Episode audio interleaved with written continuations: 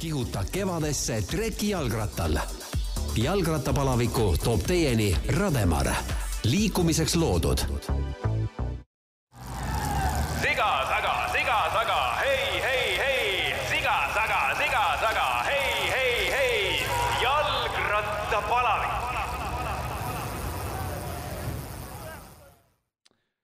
Tere, head Jalgrattapalaviku podcasti kuulajad, täna on siis äh, jälle kolmapäev, juba on kätte jõudnud maikuu, see on muidugi meeldiv selles mõttes, et järjest soojemaks läheb. Ja jalgrattaga kannatab sõita küll igasuguse ilmaga ja igasugustes oludes, aga kui läheb soojemaks, siis ma arvan, et see mõnu sellest rattasõidust äh, ainult kasvab. täna oleme juttudega, mina ka pildiga olen Saaremaal. Äh, külas võiks öelda siis ähm, Saaremaa rattadünastial.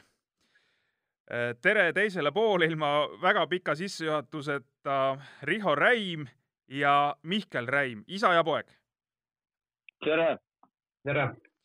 Nonii, me salvestame seda juttu päev pärast seda, kui Mihkel, sa võtsid ette koos Steven Kalfiga sellise ettevõtmise, et äh, tiir ümber Saaremaa, heategevuslik rattasõit Kuressaare haigla toetuseks siin ei ole mitte midagi imestada, et sa sellise asja ette võtsid, teades seda, et, et äh, mida su isa on läbi elanud, see on, ütleme, viimase kuu aja jooksul, aga see kolmsada kolmkümmend kilomeetrit, ütleme, võib-olla tavainimesele tundub natukene ehmatav. Te lähete, teete selle tiiru ära ühe päevaga. ma pean tunnistama, et ma olen vist maksimaalselt järjest sõitnud umbes kahesaja kilomeetri kanti ja, ja seda kolmesada kolmekümmend päris hästi ette ei kujuta, et kuidas oli no tegelikult, kui ma ausalt ütlen, siis nagu võin öelda, et tegid Saaremaale tiiru peale, et noh, kõik räägivad, et äh, Saaremaa on väike ja noh, maailmameistris ikkagi ei ole mingi sihuke saar onju. ja siis ise ka vaatad vahepeal, et treenid siin edasi-tagasi teede peal, mõtled, noh, polegi nagu suur. aga kui ma panen nüüd äh, sellesse kont konteksti, et äh, Saaremaalt põhimõtteliselt sõitsin, Kuressaarest sõitsime Tartusse nagu et noh, see tundub küll nagu Eesti mõistes mõttes, et noh, et see, see ei ole nagu päris normaalne. et äh, aga jah, eks ta lõppude lõpuks ta on ju, kõik on ajas kinni, et kui kiiresti läbi sõidad, ära sõidad nii või naa selle äh, kui palju aega läks ja mind näiteks isiklikult huvitab, et oma kehakaalu juures, et kui palju kaloreid põletas? meil läks vist kümme tundi ja neliteist minutit selleks ja muidugi noh, väiksed pausid tulid sisse, et seda nagu see oli puhas sõiduaeg siis. ja kaloreid näitas mul seade vist seitse tuhat kuussada kalorit. ainult? no see niimoodi näitas, et ma ei oska öelda ma ei oska öelda oleks sa praegu ütelnud näiteks, et eh, ma ei tea, viisteist tuhat või kakskümmend tuhat kalorit, siis ma oleks hakanud ka mõtlema, et võiks ju tegelikult sõita, saaks poole kergemaks kohe. aga aga Riho, et sa ka ei pääsenud sellest ettevõtmisest, lõid kampa, ma sain aru, ja sõitsid siis äh, circa viiskümmend üks kilomeetrit, oli midagi sellist, eks? ma sõitsin jah, viiskümmend üks kilomeetrit, viissada meetrit, et äh, üritasin sõita oma praeguse vanuse et kuna mul on novembris sünnipäev, siis päris viitekümmet ühte ei saanud lubada, tuli natukene peale sõita ja, ja üks eesmärk oli mul veel, et äh, kuna see on ikkagi tuur ümber Saaremaa, siis äh, vanas mõistes Saaremaa velotuuri konteksti nagu võttes, siis äh, ma tahtsin kindlasti, et sinna sisse jääb ka üks kruusalõik ja ma sain oma neli pool kilomeetrit, vahetult enne vahetuse lõppu sain endale ka kruusalõigu, et ütleme, et kuigi neid kruusalõike tuli poistel, äh, ütleme selle kümne ja kümne tunni ja neljateist minuti sisse viiskümmend, võib-olla isegi mõni kilomeeter peale, et, et see kruusa osa oli päris suur. nii, ehk siis ütleme niimoodi laias plaanis, et äh, et ikkagi päris, päris korralik ralli, et mitte ainult asfaldi peal kihutamine, aga, aga said äh, mehed kõike ja ja vaadates visuaali praegu, mina, minul on see eelis siin kuulajate ees, et ma näen, millist nägu Mihkel on, siis äh, ausalt öelda, noh, ta täitsa sihuke normaalse olekuga, võiks täna sõita veel mingisugune rahulikult, mingi sada viiskümmend peale näiteks. on reaalne no., on reaalne või, või see oleks ikkagi juba natukene liiast? no selles suhtes ikkagi on reaalne, et äh, kui see oleks mu eesmärk olnud, siis noh, ma oleks ju aju valmis pannud selleks, onju. aga noh, kuna ma juba teadsin, et teeme selle ühe päeva ära ja järgmine päev on kerge, et siis ma ei hakka ennast, enda rahu täna rikkuma. jõuame kohe siit või siit on hea minna Saaremaa velotuuri juurde. Riho, sa oled pikka aega või korraldasid pikka aega velotuuri. ma nüüd täpselt jään vastuse või, või selle numbri võlgu, kui palju aastaid, aga kas viimane oli meil kaks tuhat kaksteist? viimane oli kaks tuhat kaksteist ja ma olin selle velotuuri juures jah, üle kahekümne aasta. Üle kahekümne aasta mm? -hmm et äh, see on siis kaks tuhat kaks, tuhat üheksasada üheksakümmend kaks, ehk siis kui sa veel natukene, ütleme niimoodi kiire, kiiremini sõitsid, olid, olid ikkagi mingil määral sportlane, siis sa juba natukene aitasid seal sebida selle Saaremaa velotuuri korraldusliku poolega ka. jah, ma esimest korda vist äh, tegingi üheksakümmend üks, aitasin kaasa seda, seda korraldada, et et või oli see üheksakümmend kaks, ma võib-olla jään natuke vastu, vastuse võlgu ka, aga, aga ma aitasin algul jah, nagu siis oli, see oli too aasta, kui praegu kahjuks küll meie hulgast tänaseks lahkunud Leevi Kuiuvägi üt, ütles, et nii raske on, et meil ei ole vahendeid, meil ei ole eh, noh, võimalusi, et me peame siis selle tuuri ära jätma, aga siis eh, minu hinge nagu seda ei lubanud, et see tuur ära jääb ja siis ma hüppasin nagu abrasuurile, Leevile kõrvale appi ja, ja siis me, siis me ikkagi punnitasime ja me saime selle tuuri tehtud.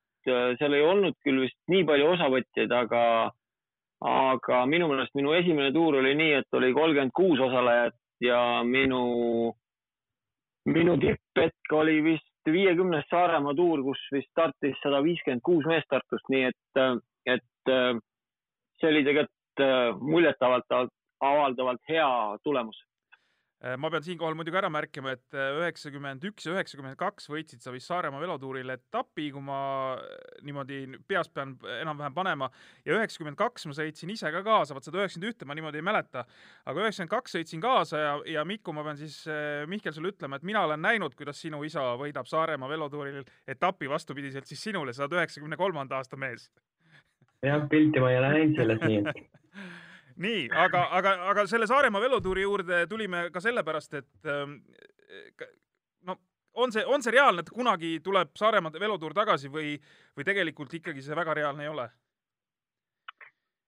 no kui ma üleeile õhtul aitasin Mikul ja äh, tema elukaaslasel Retil ette valmistada seda eilset pikka sõitu, siis mulle tuli kõik meelde. Äh, noh, sarnane asi, mis Saaremaa tuuril oli ja, ja siis, kui ma eile ise sõitsin ja nägin jälle neid, noh, palju uusi teid on nagu asfaldi alla pandud ja, ja üldse neid ilusaid vaateid ja no tegelikult, kui ma siiralt ütlen, siis mul on kõige suurem kahju sellest, et see Saaremaa velotuur jäi katki. aga ma annan endale ka aru, et, et tookord oli see velotuuri korraldus selle aja kohta väga kõrgel tasemel, ma, ma ei häbene seda üldse öelda, et meil siis kõik olid online, uudised jooksid tervest päevast, vahefinišid tulid kohe jooksvalt. meil ei olnud tol momendil ainult Kristel Kivistikku, kes oleks, kes oleks selle pildi meile elusana toonud nagu kõikidesse telekatesse või arvutitesse, et, et täna see on olemas ja, ja, ja kas ta tuleb, kas ta tuleb veel või peame ta maha matma ma arvan, et kõik on võimalik, äh, aga ma ei näe nagu täna seda või ma ei näe nagu täna seda rahalaeva, et, et kui ma võidaks äh, lotoga, siis ma kindlasti selle teeks, sellepärast et, et äh, see on mu hinges.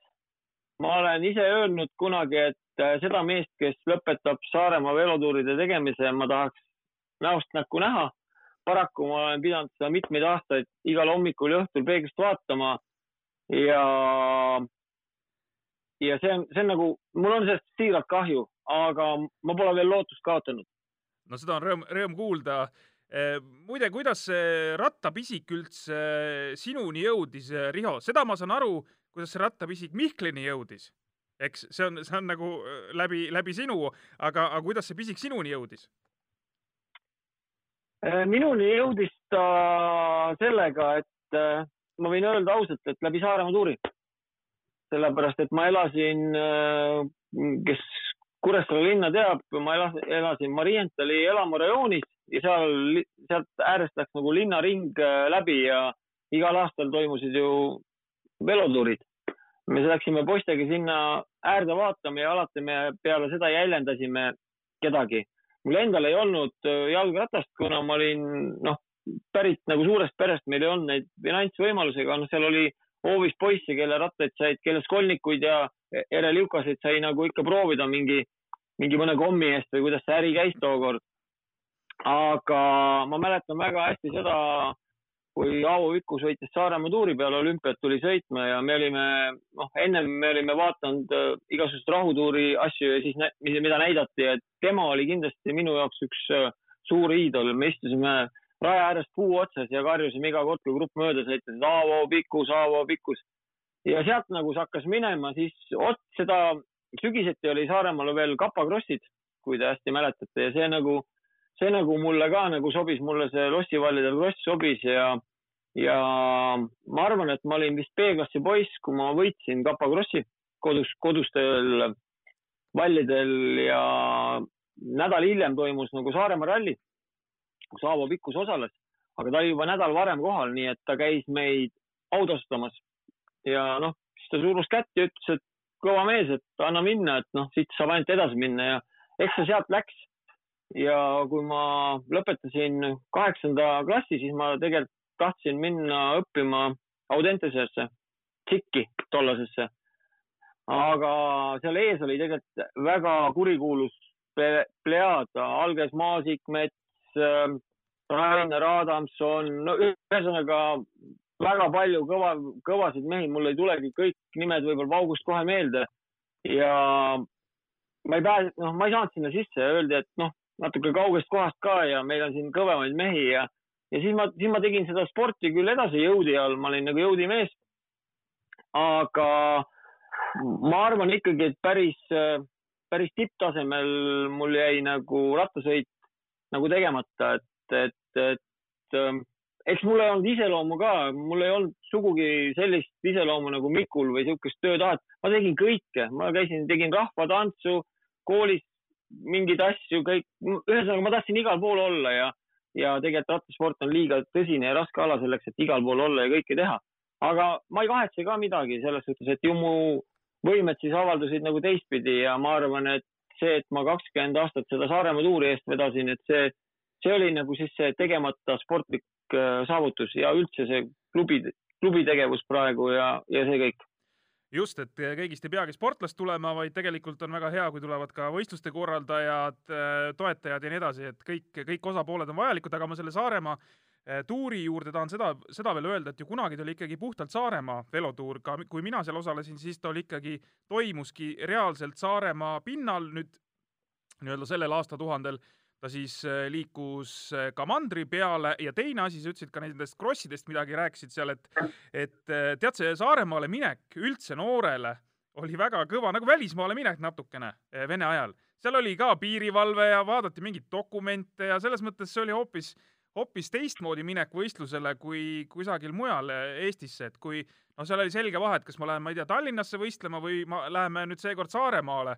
et see oli kuidagi erilisem ja muide üheksakümmend kaks äh, Pärnuga, äh, Pärnu võistkonnaga käies Saaremaa tuuril, siis me võitsime võistkondlikult ära, nii et äh, ma pean siin ka ennast kergitama, selles mõttes ma olen Saaremaa velotuuri meeskondlik võitja äh,. ja me saime äh, kast õlut, muide äh,, vaat, vaat, vot need olid kõvad auhinnad, me saime kast tuuliku õlut auhinnaks ja põhimõtteliselt ma juba teadsin, et ma lähen sügisel, lähen äh, ülikooli õppima Tallinnasse, tegime selle kasti uljalt bussis lahti, tagasi koju sõites.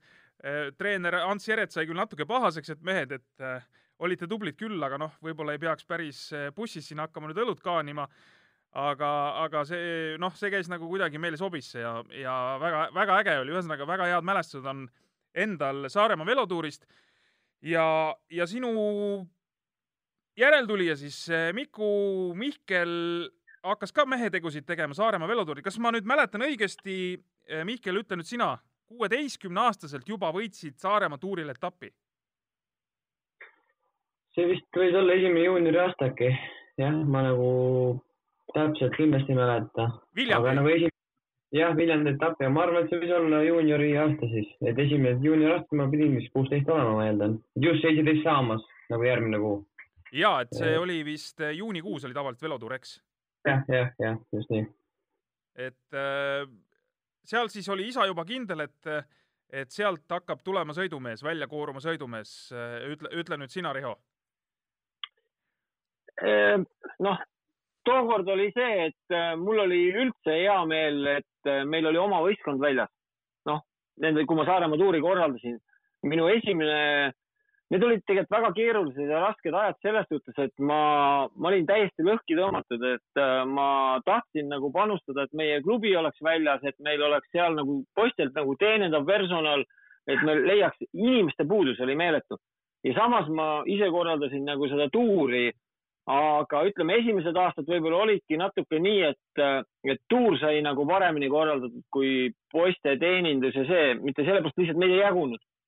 Ja, ja, ja tuur on ikka pikk mitu etappi ja inimeste, aga lõpuks me saime mõnede mandrimeeste abiga ja saime nagu enda selle taustajõudude tiimi ka klubile nagu paremaks ja, ja ma arvan, et too aasta, kui Miku võitis, et siis meil oli ikka juba see päris, päris sihuke hea, ütleme Eesti mõistes päris professionaalne lähenemine, et äh, ma arvan, et poisid ei tundnud päris noh, millestki puudus ja järgnevad aastad ka, et me, me võitlesime ikkagi kõigi Eesti klubidega üldvõidu ja meeskonnavõidu ja igasuguste asjade nimel, et ma arvan, et, et, et see, see oli äge, aga noh, muidugi Viljandis Kõrgemäe tõusul Miku-sugune mees võidab etappi, kusjuures kui ma hästi mäletan, siis Miku ise alustas seda breiki, kus ta ründas seal enne Viljandit ja minu meelest läksid kaasa seal. mäletad sa, Miku, kes sinuga seal kaasas olid? Jermakov oli. Jermakov oli jah. ja äkki veel Lepik, kes ütles Tüskis siis võis olla, ma arvan. jah, et, et, et see kindlasti see oli emotsionaalselt nagu üks äge asi ja kindlasti ta oli Miku sportlaskarjäärile ka üks kõva märk. Eh, sellest on ilus foto olemas siiamaani ah,. super. Eh, Mihkel, oli sul noorena, kui sa nüüd natuke tagasi mõtled, mingisuguseid muid šansse ka, ma mõtlen selles mõttes šansse, et, et hakata tegema mingit muud ala või, või ikka see rattasport tuli noh, lihtsalt eh, nii palju peale, ütleme, isa toimingud, kõik muud asjad, võib-olla sa kuskil käisid nii-öelda kaasas kogu aeg ja see rattasport oli sul küljes no eks ta küljes oli aga noh, seda on nagu räägitud päris palju, et noh, tegelikult ka, et inimesed võib-olla ei usu, aga keegi ei sundinud mind selleks. et äh, kindlasti inimesed mõtlevad, näed, et nii kui sundisin äh,, paps ütles davai, hakka ratast sõitma enam-vähem, et no päris nii ikka ei olnud, et äh, ma ju alustasin üldse, noh, eks ma väiksena tegin ju kõiki asju, et äh, minu päevad möödusid olles õues kas rattaga sõites, talvel suusatades, joostes, noh ise, ise tegin võistlusi endale, ütleme niimoodi, mul oli, panin kakskümmend äh, tuntud kergejõustiku nime, kes olidki päriselt odaviskajad, panin nad paberi peale. igal vennal oli kuus katset, noh, siin lihtne matemaatika ütleb, onju, kui mitu võistlust ma tegin siis enne, kas ma tegin kaks-kolm võistlust viskasin seda niinimetatud odataolist eset siis mingi noh, sadades kordades, noh. ja selle peale läks kindlasti paar tundi aega. minu jaoks ta ei olnud nagu treening, ta oli lihtsalt nagu fun ja eks ma jah, elasin ennast välja seal. et esimene päris treening tegelikult, mis äh, mul oli, mind äh, kas siis saadeti või ma ise läksin äh, judosse, aga seda ma nagu jah, ei mäleta, et kuidas ma sinna sattusin, et et kas enda initsiatiivil või vanemad suunasid kuidagi? Mina võin siia vahele öelda, Miku, et Äh, see tulenes sellest, et sa olid nii meeletu energiapomm, et äh, me mõtlesime, et me saame emmega, et me saame natuke energiat maha susta, kui sa seal käkid natuke aega nende teiste poistega. aga siis äh, väga kaua, ma saan aru, neid võtteid ei teinud seal? ma ikka tegin, aga kuna meil oli hästi nagu, alustasime nullist seda asja seal, siis meil nagu me õppisime ülikoolis judovõtteid, kuidas tuleb neid kasutada, aga meil ei kästud neid nagu päris äh, võistluses või niimoodi kasutada veel või noh, võistlustele ma otseselt ei jõudnudki, aga meil nagu sihuke treeningvõistlused, et me võisime nagu lihtsalt maadelda ja kui keegi oskas, oskas mingit võtet, siis äh, noh, aga palun tee, onju. aga ma mäletan, et mina olin nagu noortegrupis ja seal oli üks suurtemate grupp ka siis sihuke no minust ikka kaks korda suurem poiss, et kellega me finaalis siis maadlesime nagu seal trennis ja noh, ta oli üsna enesekindel, et ta paneb mu maha pikali kergelt. aga mul nagu väikse poisi kohta oli suhteliselt hea ramm, et ma lihtsalt läksin ta juurde, võtsin tal puudest, tõstsin üles ja viskasin maha kuidagi niimoodi ja siis ta sai šoki seal ja siis, siis, siis see asi vist lõppes minu jaoks ja tema jaoks, et äh, ma tegin küll seal judos on nagu eksamid, mis sa pead tegema siis oma treeneriga, et saada erinevad vööd ja ma sain kollase vöö kätte, aga ma ei tea, kas motivatsioon kadus peale seda ära või, või äkki tuligi mingi suvevaheaeg peale, et siis, siis ma nagu enam, enam sinna ei läinud, aga ma arvan, et see oli väga-väga kasulik asi. kuule, siit soovitus sulle, Mihkel, et vaata, kui nüüd võistlused lahti lähevad, rattavõistlused jälle, et, et särkidel on vaata need riigimeistritriibud on, aga sa võiksid kuskile lasta oma särgi peale kirjutada ka, et judos kollane vöö, et palun mitte tülitada. et seal, kui sprintimiseks läheb, et keegi väga puksima ei tule, et muidu teed paar võtet pärast finišit seal. no ma arvan, et see kollasega lainid ei löö, et Natser Puhanit, et äh, ma arvan, et hakkab seal mitu musta vööd olla. oota, ta on vist poksimees rohkem või? jah, aga seal ta paneb võib-olla see vöö omal ümber siis, meetri vöö. okei okay,, kuule, aga kui me nüüd eh, korra ma siin juba põikasin sellesse tänapäeva, et mis seis üldse klubidel siis hetkel on, et eh, sa oled, sa oled võib-olla noh, üks õigemaid inimesi küsida Eestis, et eh, mida need suured klubid siis praegu teevad või kuidas nad ratturitega suhtlevad või, või mis signaale nad annavad? noh, eks see muutub ju kõik väga kiiresti selles suhtes, et äh, nii palju tuleb selliseid, kas just valeinformatsiooni uudistesse või, või noh, keegi midagi mainib umbes Twitteris ja sellest tehakse kohe uudis ja siis see läheb Eesti meediasse laiali. Meil on väga palju kahjuks ajakirjanikke, kes ei viitsi uurida seda, nad lihtsalt vorbivad uudise välja, ise nagu süvenemata sellesse, et sellest on nagu kahju. aga jah, nagu ma aru sain, siis äh, mai alguse poole peaks tulema siis sihuke UCI poolt kinnitatud kalender, mis nad on seal otsustanud. ja peale seda nagu siis elu läheb edasi. aga samas noh, ütleme nii, et äh, kõik meeskonnad ja eesotsas meie meeskond, siis Iisrael Startup Nation on nagu selle kõik võidusõidud ja kõik sellega seonduv on nagu internetti kolinud, et kõik nagu sotsiaalmeedia projektid äh, noh, absoluutselt kõik, mis asjad, et ma kujutan ette, kui see samasugune asi oleks kümme aastat tagasi juhtunud, siis oleks hulkades rohkem tiime ikka väga-väga halvas seisus, sest praegu ikkagi mingil määral sa saad oma tiimi reklaamida ja kasvõi nagu eurospordis käivad võistlused seal. Äh, oled sa ka e- e-sõidumees ka, et oled mõne e-sõidu juba kaasa teinud või, või veel ei ole? kuule, ma paar päeva tagasi siin tegin lihtsalt nagu kohusetunde pärast. aga kuna ma ei olnud teinud ja ma ei tea neid nippe seal, siis ma jäin põhimõtteliselt joonelt maha, nii et see on ikka täiesti omaette sport. Aga mine tea, et äh, ma, ma arvan, et see selles mõttes ra- jalgrattasporti kindlasti asendama ei hakka, aga võib-olla tekib kõrvale lausa mingi eraldi liin, kus äh, ongi mingisugused tüübid, kes, ma ei tea, ongi e-spordile e, e-jalgrattaspordile keskendunud ja, ja hakatakse seda liini ka ajama. jah, asendada, asendama ta kindlasti ei hakka selles suhtes, et äh, ma arvan juba see, kui inimesed saavad äh, seal Lõuna-Euroopa pool nagu õues treenida, et noh, selle e-asja nagu ta- osakaal langeb tunduvalt. aga jah, ma arvan, et jah, siin siuksed endised show'd võivad täitsa, täitsa vabalt e-spordi, ratta e-spordis läbi lüüa. Äh, ütleme, see kava tuleb nüüd ära, näiteks äh, UCI kava äh, juuni või vabandust, maikuu ajal siin, ma ei tea, sõitma hakatakse näiteks juulikuus, sest enne on ju vaja trenni ka teha ja nii edasi, et mõnes, mõnedes riikides on ju kõik need treeninguvõimalused põhimõtteliselt lukus olnud, väljas treenida ei ole saanud. Et siis äh, olete valmis võistlema kuni jõuludeni välja või? mingi tiim või keegi ütles, et me oleme põhimõtteliselt nõus kuni noh, aasta lõpuni võistlema, et kui, kui vähegi annab kusagile ära paigutada need ärajäänud võistlused, et siis teeme seda. jah, see oli Martin Laasi tiimi mänedžer, kes nii ütles, aga ma ei kujuta ette, et ma ei tea, kas tal ei ole omal pere või mis värk on või keegi hammustab teda see päev, et noh, see nagu, see ei ole nagu loogiline selles suhtes, et äh, isegi need ratturid, kes lep-, lepingulised on, see nagu ei, see on selles suhtes imelik, et äh, kui üldiselt ratturitel on leping jah, aasta lõpuni, aga tegelikult ju lõuna või noh, esimesed laagri kogunemised on ok- oktoobri lõpp, november juba. et kuidas siis see nagu juhtuks, et ma käin vahepeal teise tiimi juures treenimas ja siis lähen nüüd sõitma, et noh, see, ma arvan, et see oli ka pigem sihuke mingi tähelepanu vajadus. promo, jah, mingi selline, et noh, ma, ma ei usu, et see juhtuma hakkab. et ega, ega ma ei teagi, kuidas meeskondadel seis on hetkel, et et lepingud ikkagi toimivad ja, ja selles mõttes midagi hullu ei ole või, või sa näiteks oled siseringkonnas kuulnud, et et mingite tiimidega on ka päris pahasti. ma pean silmas eelkõige ikkagi suure tiime.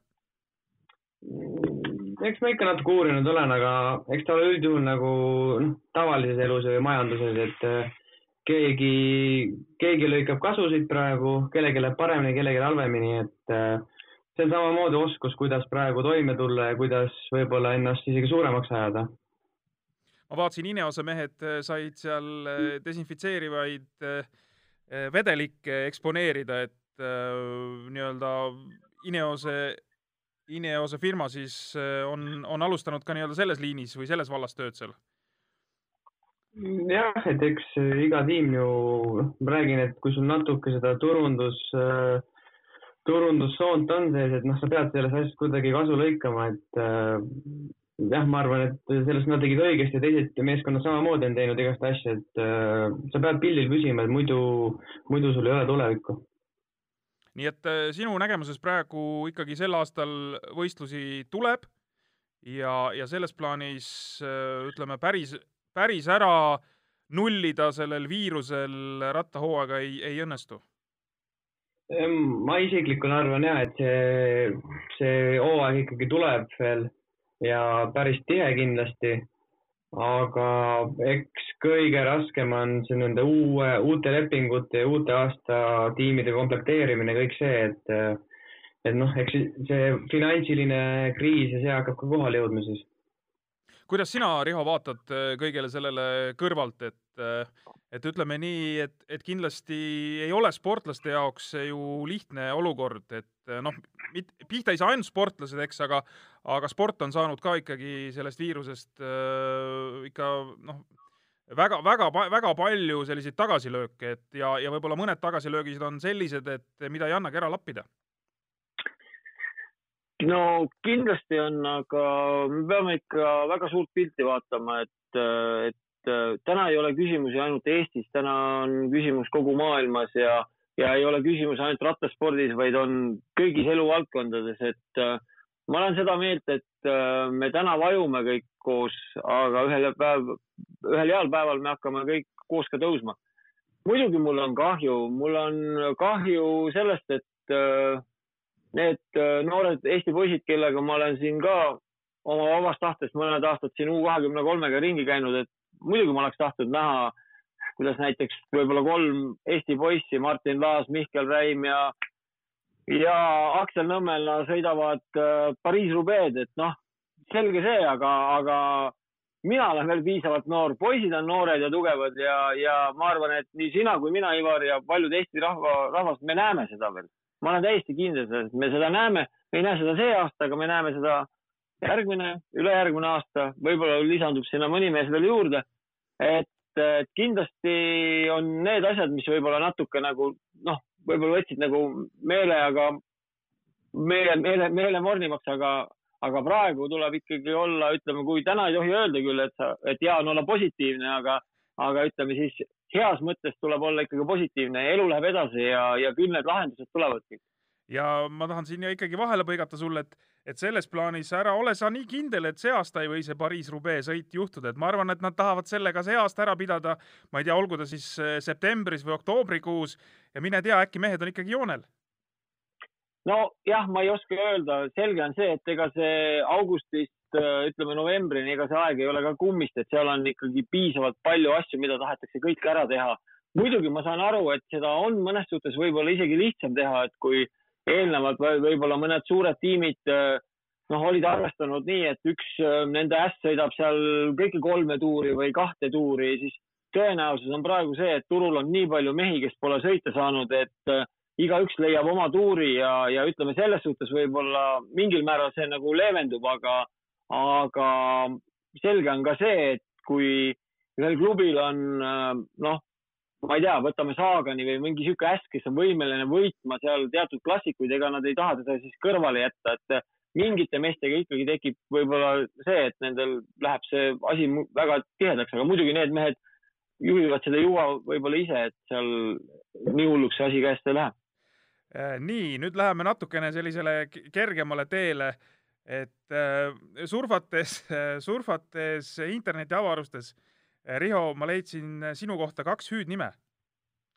üks on Riks, mis on väga arusaadav, tuleneb Rihost, eks, aga teine on Boss. et ma nüüd tahaks, tahaks küsida Mihkli käest, et äh, isa on sinu jaoks ka nagu boss. ja telefonis, kui ta helistab, siis tuleb, tuleb kiri, et boss, boss helistab. kust see, kust see hüüdnimi tuli, Riho? tead sa ka või, või see on tulnud niimoodi kuidagi salaja sulle külge? ei, ma ei, ma ei, ma, ma isegi, mina jään praegu vastuse võlgu, ma ei tea, kas see tuli Viikingi klubist või tuli see siis, kui me juba U kahekümne kolme ja nende tiimiga käisime või järsku Miku teab paremini. Mm, minu teada see, noh, ega ma täpselt asukohta ka ei tea, aga ma arvan, et see tuli siis, kui, kui Indrek Rannamaa ja mul onud Rigo ja Riko ja nemad käisid nagu võistlustel Vapsiga. et siis noh, eks see kuskilt sealt tuli, et noh, boss on ikkagi boss selles suhtes, kes manageeris kõike ja ilma temata ei oleks saanud midagi teha. et eks ta sealt tuli ja teised võtsid külge ja isegi noh, meil päris paljud sugulased kutsuvad teda niimoodi, et noh, ma arvan, et see on täitsa adekvaatne nimi. jaa, see kõlab päris hästi, nii et selles mõttes, Riho, oled teinud head tööd, oled saanud väga õige hüüdnime endale külge.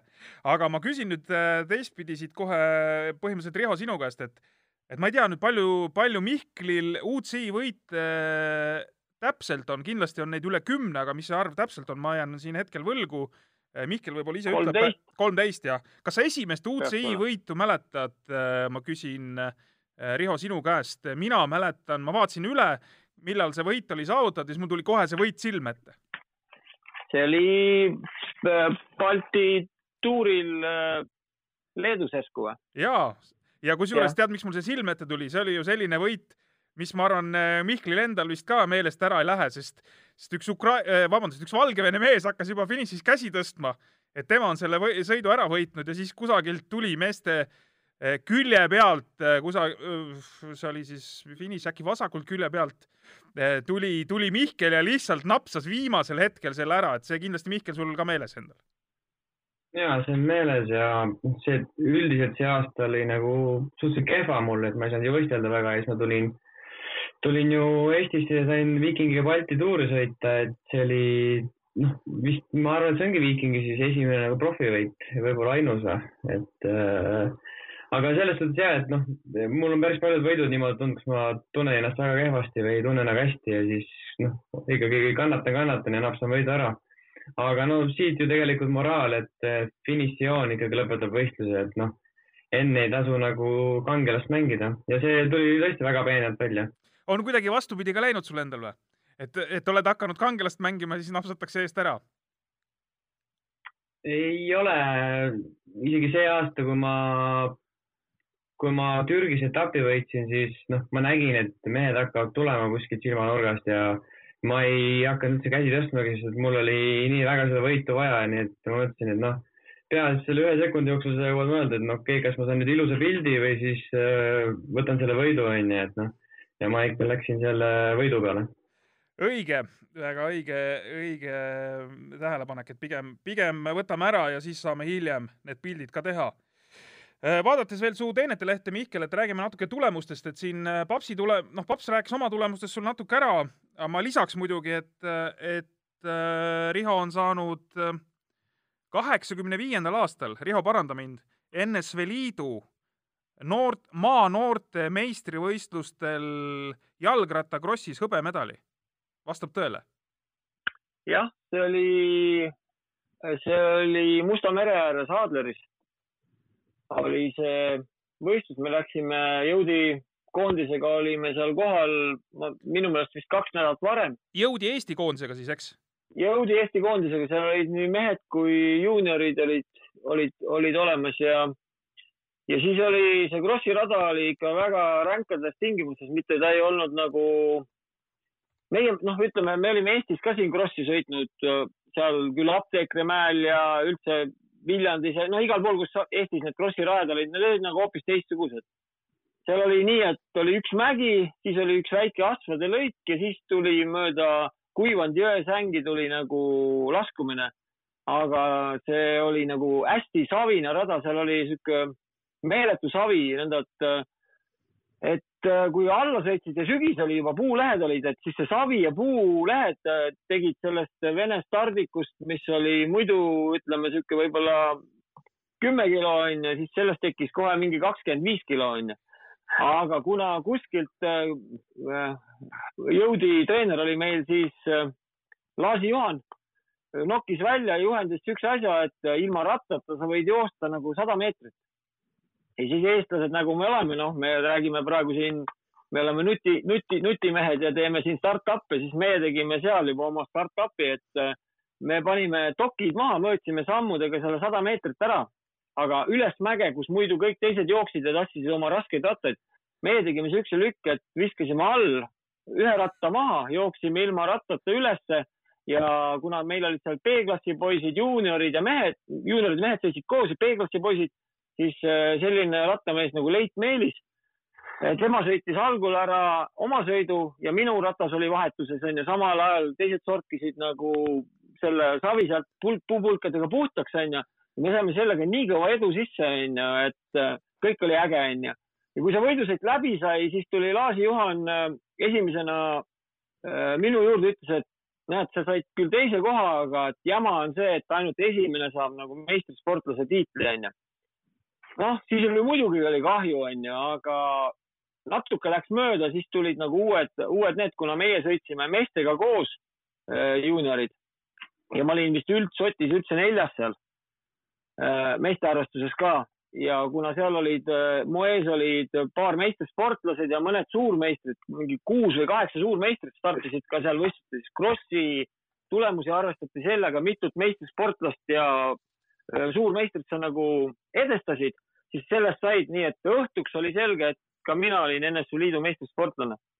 Nonii, nii. Et äh, juunioride klassis juba meistrisportlaseks ei ole, ei ole üldse paha, ma arvan, see oli päris kõva sõna. Ei, ma olin ise selle üle uhke ja too aasta oli üldse nagu, too sügis oli Saaremaale nagu väga mm, sportlik, et tol aastal täitsin mina meistri, liidu meistrisportlase, kaks purjetajat poissi ja üks kergejõustikutüdruk, äh, Virge Viss. nii et äh, meil, meil oli väga edu, edukas aasta Saaremaa spordis. nii, ja siis kulus päris palju aastaid ja ma vaatan, et Eesti meistrivõistluste hõbedal oled sa saanud äh, tuhat üheksasada üheksakümmend kaks meeskonna sõidus, see vastab ka tõele?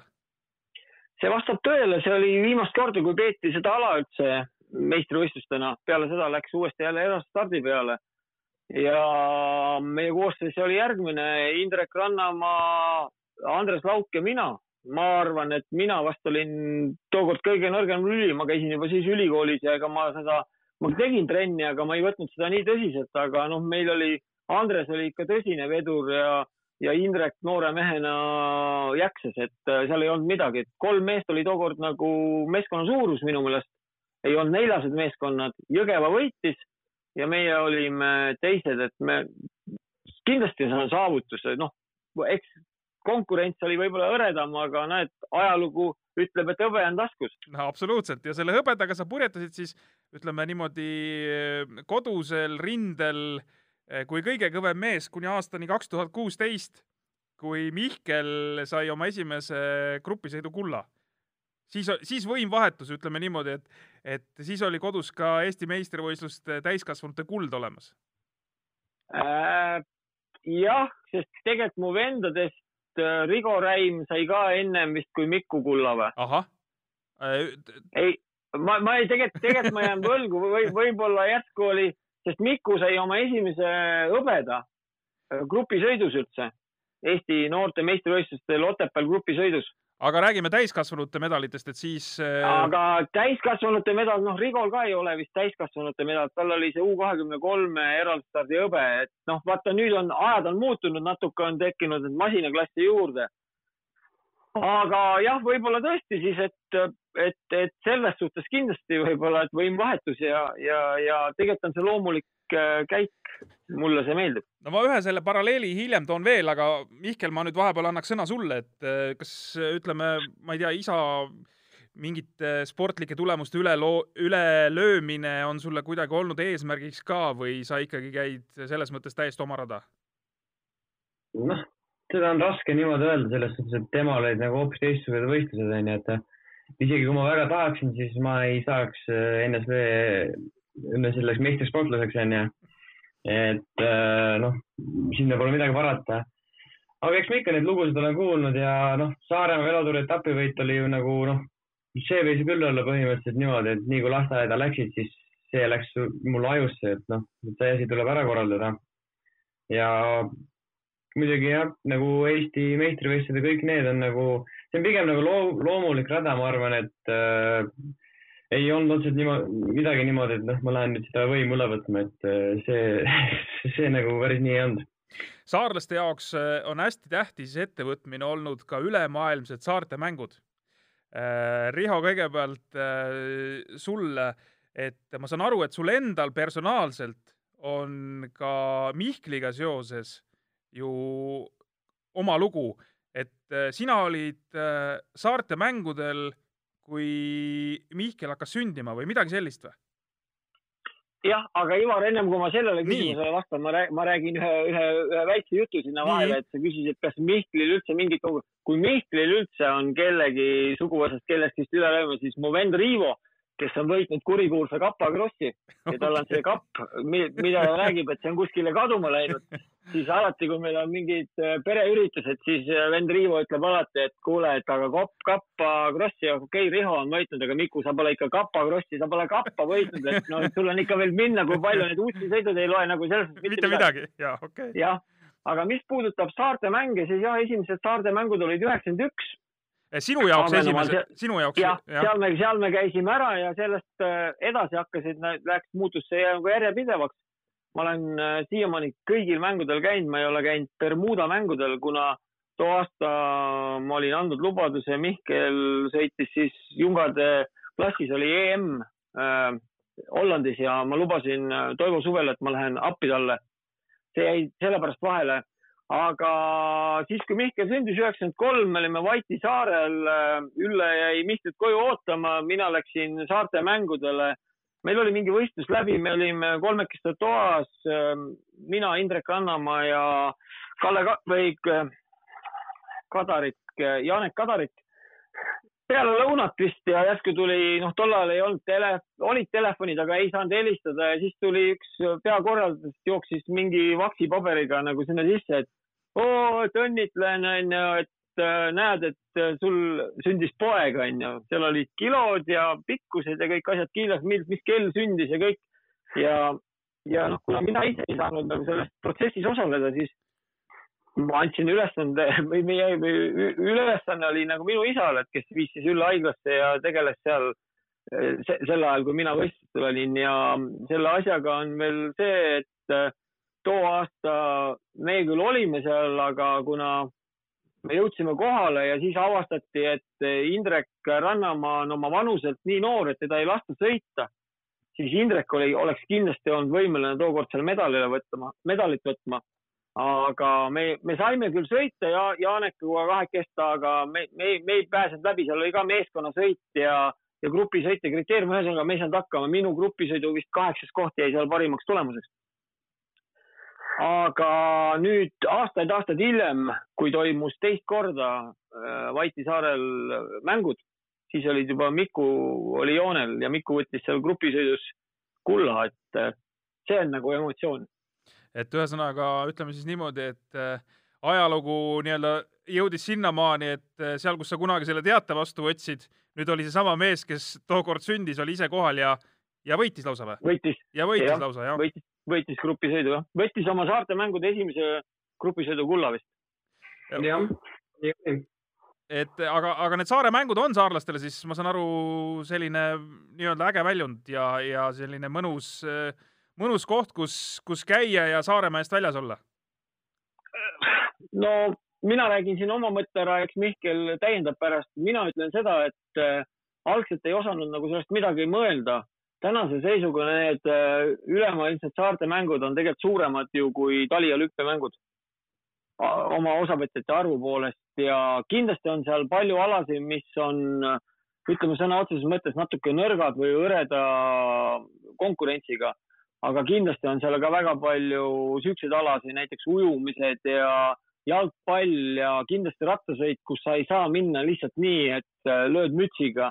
ma arvan, et äh, saarte mängudel see aasta, kui nüüd me käisime Gibraltari, noh, seal oli nagu Gibraltari mäkke sõit või noh, eraldi start. see, et me sai, Miku sai seal eraldi stardist praegu nagu võidu, see on meie üks viimaste aastate kõige suurem saavutus, sest me oleme seda eraldi stardi noh, medalit, ütleme, Andres Lauk on kaks korda medalile saanud, on ju, aga ta on ikka võitja käest saanud sealt minut ja peale, et noh, täitsa ulmelised kiirused, et me mõned aastad oleme isegi vaadanud, kui Jaan siin Kirsipuu võitis siin Eesti meistrivõistlusi, seda siis tema keskmine kiirus jäi alla, okei okay,, seda ei saa nagu võrrelda seal võib-olla radadega ja asjadega, et need Inglise saared, need temposõidud on ikka meeletult tugevad. Ja, ja kindlasti nad on meile tähtsad, et nad äh, on meie kogukonna väljund rahvusvahelisel areenil ja me oleme aasta-aastalt ainult paremaks läinud, kogu, kogu Saaremaa tiim. me oleme kerkinud, kui me esimesed aastad olime seal kaheteistkümnendad, neljateistkümnendad saate arvestuses, siis nüüd viimane aasta me olime juba kuuendad, et, et see on ikka väga-väga positiivne. nüüd eks Miku ütleb, mis ta siis nagu tippsportlasele tähendab. no eks ta esimesed mängud olidki muidugi selles suhtes erilised, et äh, kõik ju rääkisid meil nendest, noh, et äh, nende konkurentide nimed ja kes seal kõik kõvemad vennad on ja noh, siis ju tahtsidki sinna minna ja platsi puhtaks lüüa ja õnneks, õnneks meil see juhtuski, onju. aga ma ütlen, esimesed aastad, esimesed mängud olid ikkagi päris crazy'd ja asjad, sest et noh, kui kõige kehv, kehvem jutumärkide aasta oligi see, et kui oli Saaremaa velotuur, sellele otsa Eesti meistrivõistlused ja siis äh, need äh, saarte mängud, et see töömaht, mis nagu selleks teha tuli, mitte just nagu treeningu mõttes, aga just see kõik äh, korralduslik pool ja see igasugused pingid ja skeemid, kus sa saaksid nagu kõige odavama laevaga sinna minna ja noh, see on nagu selles suhtes, et see väsitas päris korralikult. aga samas noh, see lõi ju kõikidele ühtsustunde, et pärast, kui see asi tehtud sai edukalt veel onju, kõik olid rahul aga eks ta viimastel aastatel, kui ma siin profirattur olen olnud, siis ta on nagu pigem sihuke lahe väljund näiteks peale Eestikat või niimoodi sihuke ennast nagu uuesti käima saada ja nende, nende poistega, kellega ma olen nagu noorest peast treeninud koos, kes siis nagu võib-olla enam aktiivsed ratturid ei ole, näiteks Jürgen Matt, siis nendega on lihtsalt äge olla ja ühe, ühes nagu särgis võistelda, see on nagu äge ja ma kujutan ette, et selline kambavaim ja, ja feeling tuleb äh, selle võistlusega kindlasti väga hästi äh, välja. E, kas see on võistlus, kus on käinud äh, joonel ka Mark Cavendish? jah, seal on Cavendish käinud ja seal olid mõned mehed veel, kelle nimed meelde ei tule, aga jah, niisugune Männisaare mehi seal ikka on äh,. ma ei, ma jään praegu aastaarvu võlgu, aga Indrek Annamaa oli kolmas too aasta, kui Märk, Mark Cavendish võitis äh, kriteeriume Kõrsni saarel. Need eelmised mängud, nüüd järgmised mängud meil tulevad kui Kõrsni saarel, et, et me läheme, ma loodan, et kõik see haigusepuhangud on möödas ja me saame sinna minna ja mulle... mitte see suvi, aga järgmine suvi. ja see vist toimub nii-öelda paaritutel aastatel, eks, et üle kahe aasta ja mul on väga hea meel ausalt öelda, eh, Riho, et sa ei sattunud sinna Bermuda saarele, et seal Bermuda kolmnurk võib seal päris lähedal olla, et jumal teab, mis juhtuda võib nii. jah, ei tea aga meil on siin pea viiskümmend minutit juttu aetud, hakkame vaikselt otsi kokku tõmbama, aga enne ma tahaks tegelikult ühest tulemusest veel rääkida kas sa, Riho, ise olid kohal kaks tuhat viisteist äh, maailmameistrivõistlustel? Richmondis. jaa, Richmondis. olin, olin, tegin oma esimese, ma arvan, et ma vist ei ole, ma olin ikka ennem ka käinud korra Ameerikas seoses ühe, ühe, ühe teise, teise asjaga, aga ma olin kohal jah, ma olen viimased aastad peaaegu kõik MM-id üritanud ikka käia, et äh, see on nagu sügisel sihuke, sihuke kohustus olnud aga ta oli, ta oli nagu Mihklile viimane aasta U kahekümne kolmes. ja siis ma tahtsin lihtsalt, et oli Miku, ei, viimane jah. jah, et, et siis me, me olime tööd teinud ja seal oli tegelikult vaja teha nagu tulemust, et saada edasiseks mingeid lepinguid. ja tulemus tuli, et U kakskümmend kolm MM-il maailmameistrivõistlustel grupisõidus saada viieteistkümnes koht ja kaotada sealjuures võitjale ainult kaksteist sekundit. põhimõtteliselt sa nägid nii-öelda, kuidas jagati medaleid sul samas nina ees, et see on ikkagi tegelikult äh, tuleb tunnustada, et see on väga kõva, väga kõva tulemus. et kas sa, kas sa ise julgesid, Mihkel, ka ikkagi nii kõva, kõva sõitu et, et sealt, et sealt tuleb MM-ilt, no selles mõttes ma ei, ma ei pea silmas kohta, et ja ma võib-olla paberil vaatame, okei okay,, viisteist, keegi, kes jalgrattasõitu ei tunne, no mis see viisteist siis on, aga kõik see arvestades, et see ajaline kaotus esimestel oli, oli ikkagi minimaalne ja sa olid seal mängus sees, et, et oli see üle ootuste sõit. kas just üle ootuste, aga eks ma mingil määral ju kogu aeg olen sihuke, no noh, eestlased üldiselt, et noh, me ei ole noorteklassides ju nii, nii kõvad veis ära, noh, okei okay,, meil on mõned erandid, aga noh, üldiselt on niimoodi, et need, kes profiks saavad, onju, või hakkavad nagu see tähelend hakkab palju hiljem, onju, kes nagu siin selle aja jõuab ära oodata. aga eks mul enesekindlus oli ju äh, Flandersis hooaja alguses, kus ma olin kuues, mis oli nagu noh, siis, siis mul nagu tekkis, et no ma täitsa jõuan ju sõita nende meestega. Ja suvel vist olin, seal oli üks rahvuste karika etapp, kus ma olin teine, terve päev eest ära ja siis äh, mingid mehed püüdsid meid kinni ja tegelikult mul oli jalga, et see asi võita, aga siis sihuke tänaseks juba sihuke Riiu kukli tiitli saanud Gianni Moscon siis surus mind kenasti aeda sinna. et noh, siis ma nagu andestasin talle, aga nüüd, kui ma nagu tagantjärgi vaatan, siis noh, mul nagu ühtegi head sõna tema kohta ei ole kahjuks, et äh, aga jah, see mm, eks ma nagu valmistusin ja selleks ja ma teadsin, et see on mu viimane šanss võib-olla mingi leping välja saada, sihuke korralik. ja ma võtsin just vist äh, endale esimest korda elus nagu ametlikult treeneri, see oli siis kaks kuud enne seda Richmond MM-i. et kuidagi läbi kontakti tuli see itaallane minu juurde ja siis me hakkasime rääkima ja ütlesime, et okei okay,, testime siis. ja hakkasimegi seda tegema ja ma ütlen niimoodi, et sellist arengut ma pole enne näinud, et äh, kuu pooleteistkümnega nagu miski muutus. et võib-olla oli see ka, et ma ei pidanud ise nii palju treeningutele mõtlema, et mis ma homme teen või mis ma ülehomme teen. aga noh, tegelikult äh, ma arvan, et sajaprotsendiliselt jäi see realiseerimata seal Richmondis. et ma natuke pelgasin, et oligi see viimane seal nukike ja see poolteist kilomeetrit enne lõppu. mingid mehed ründasid ja ma mõtlesin, et äkki on liiga vara aga tegelikult ei olnud, sest jalga mul oli, et ma, ma olen üsna kindel, et kümne hulka ma oleks sõitnud seal. no aga, aga igal juhul ma kujutan ette, et see veel kord äh, nii-öelda andis sulle enesekindlust ja kinnitas, et sa suudad, suudad päris kõrgel tasemel kaasa lüüa. ja seal ma põhimõtteliselt jäingi nagu lõplikult silma siis sellele Iisraeli tiimile, kus ma siiamaani nagu olen olnud. Äh, Riho Mihkel on jõudnud kaugemale, kui sa kunagi lootsid või, või tegelikult on tal veel mõned tulemused tegemata, mida sa oled lootnud? mm,. ma arvan, et ta on jõudnud sinna, kuhu, kuhu me kõik tahaksime, et, et Eesti, Eesti ratturid jõuavad. aga ma arvan, et tulemusi nii noorelt mehelt peaks ikka tulema veel. et Eh, ma arvan, et, et, et küll ma, ma küll isiklikult usun, et, et, et ma näen nagu veel, veel, veel säravaid tulemusi. no ma, kui sa, kui sa juba vihjasid siin korra sellele Pariis-Roubaix'le, siis äh, ei oleks ju paha, kui Saaremaa mees sõidaks äh, Pariis-Roubaix poodiumileks noh, see oleks, see oleks super jah. äh,. Pariis-Roubaix, Mihkel, ütle nüüd sina ka midagi, et ma tean, Prantsusmaal Tro-Pro Leon on niisugune sõit ka, kus on kruusalõigud ja nii edasi, seal on mitte ainult kruusalõigud, seal on munakivi ka vist või? Seal väga palju munakivi ei ole, et pigem on ta sihuke kruusaralli, aga noh, mingid, oleneb aastast, et seal võivad nad sisse panna seda. okei okay,, et noh, päris Rubeega nagu teda võrrelda ei saa, ma arvan, selles suhtes, et ta on nagu hoopis teistsuguse ülesehitusega. aga mis sa sellest munakivist arvad?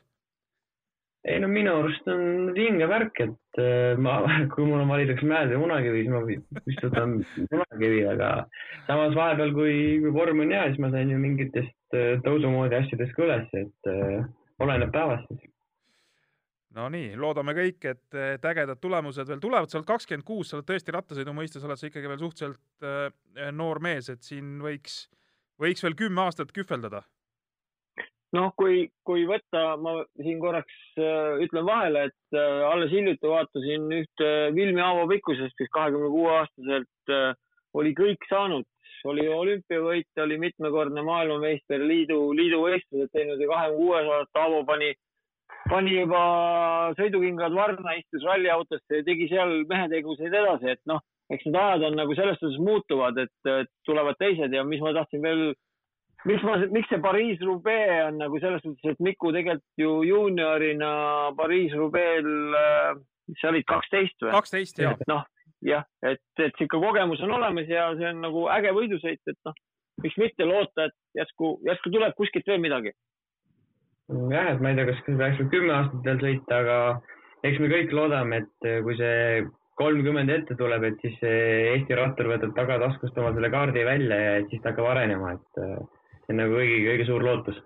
ja, ja ma tahan selle kaheteistkümnenda koha peale veel öelda, et äh, mina näiteks ei teadnud, ei olnud absoluutselt enda jaoks ära fikseerinud, et äh, Mihkel on MM-il ka olnud kaheteistkümnes.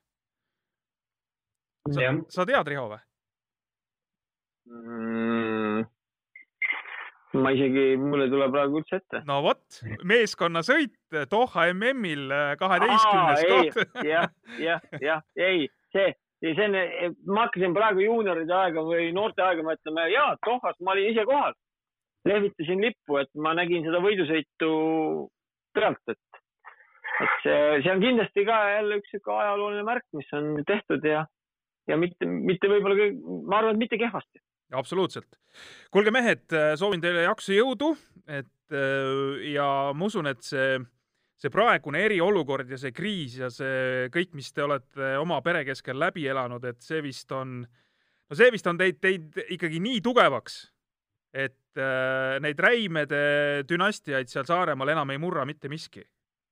no nagu kadakad, vaata, neid ei murta, et nad painduvad ainult. ainult painduvad ja, ja pärast lükkavad sirgeks tagasi ennast, eks? absoluutselt aitäh tulemast saatesse nii-öelda virtuaalsel teel, aga tänasel päeval me olemegi päris paljudes olukordades äh, virtuaalsed, aga loodame, et see rattasõit nii-öelda päris kujul äh, tuleb äh, tagasi ka võistluste näol. Mihkel siis just värskelt sõitis kolmsada kolmkümmend kilomeetrit järjest kümne tunniga, ütleme siis puhas sõiduaega, natuke tuli seal midagi juurde. kui ma nüüd selle aasta sees ka kolmesaja kolmekümne kilomeetrini mingil hetkel jõuan siis mul tuleb see kindlasti see üle, ümber Saaremaa sõitmine jälle meelde. aga, aga ma tahaks seda kolmsada kolmkümmend kilomeetrit ikka kätte saada.